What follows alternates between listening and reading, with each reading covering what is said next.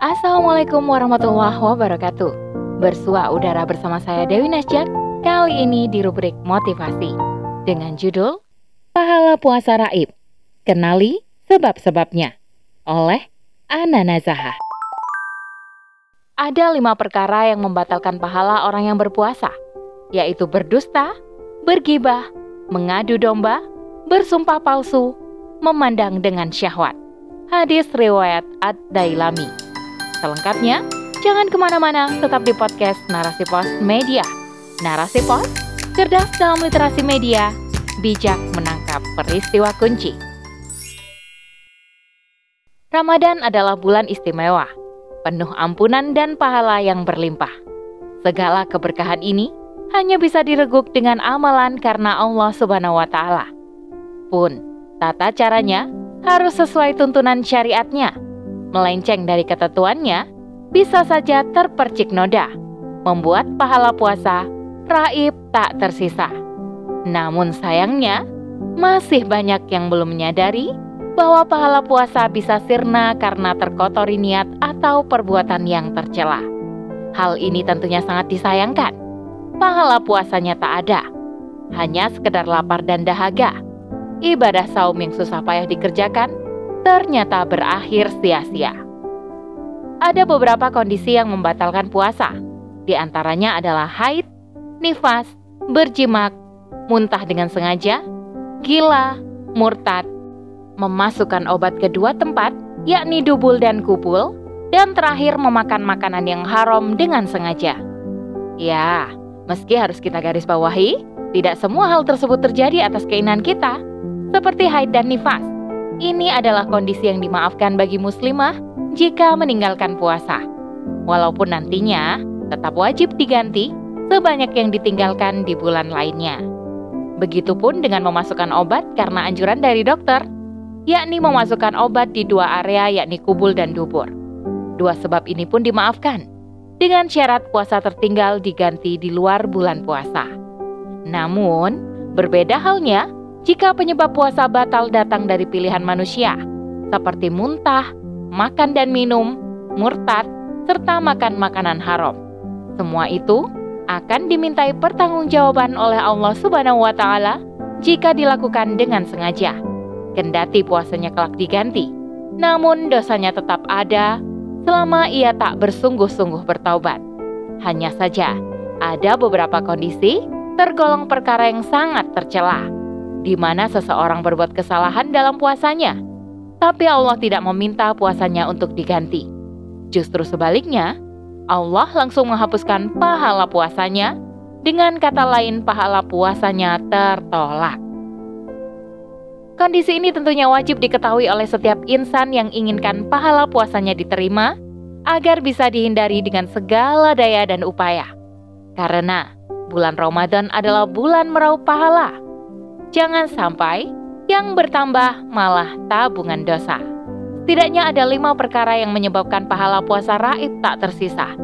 Hal ini sebagaimana sabda Rasulullah yang diriwayatkan oleh Ad-Dailami yang artinya ada lima perkara yang membatalkan pahala orang yang berpuasa, yaitu berdusta, bergibah, mengadu domba, bersumpah palsu, memandang dengan syahwat. Untuk perkara pertama, yakni berdusta. Kenapa Allah menghapus pahala puasa orang-orang yang berdusta dan puasanya ditolak? Hal ini karena Allah sangat membenci pelaku dusta. Bahkan Allah mengatakan, Aku tidak butuh rasa lapar dan haus yang dia tahan. Hadis riwayat Al-Bukhari. Kedua, suka gibah atau bergosip. Ini aktivitas yang kerap dilakukan oleh emak-emak jika berkumpul. Ada yang kurang jika tidak ada yang digosipkan. Layaknya sayur tanpa garam hambar. Padahal Allah sangat membenci pelaku gosip, bahkan menyamakan pelakunya seperti memakan bangkai saudaranya sendiri. Surah Al-Hujurat ayat 12. Ketiga, mengadu domba yang mengarah kepada kebencian dan fitnah. Ini sering terjadi pada pengemban dakwah yang mengajak untuk berislam kafah. Sering kita temui orang-orang yang menstigmatisasi mereka dengan tuduhan negatif seperti kadrun, radikal, dan lain-lain, sehingga umat dan pengemban Islam berselisih. Karena itu, Allah dan Rasul-Nya sangat membenci orang-orang ini. Bahkan, Rasulullah bersabda yang diriwayatkan oleh Muslim, yang artinya pelaku adu domba tidak akan masuk surga. Keempat, bersumpah palsu. Orang-orang yang bersumpah palsu ini sangat dibenci oleh Allah. Mereka hanya pembohong yang bersumpah atas nama Allah, menukar ayat-ayat Allah dengan harga sedikit. Mereka berniat berbuat zalim dengan sumpahnya itu.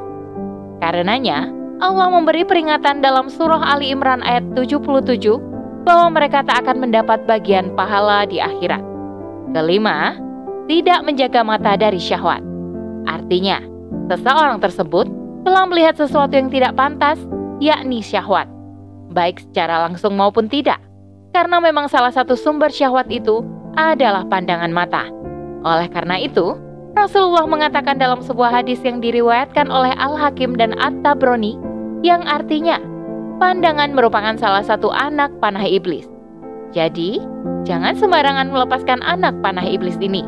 Sebaliknya, tundukkan pandangan agar terbebas dari melihat hal-hal yang tak pantas.